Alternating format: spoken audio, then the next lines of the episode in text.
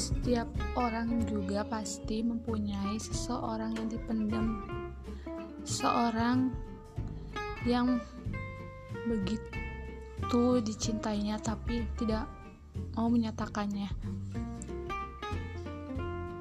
Orang lain juga pasti merasakannya seperti itu. Karena di dalam agama Islam tidak boleh berpacaran.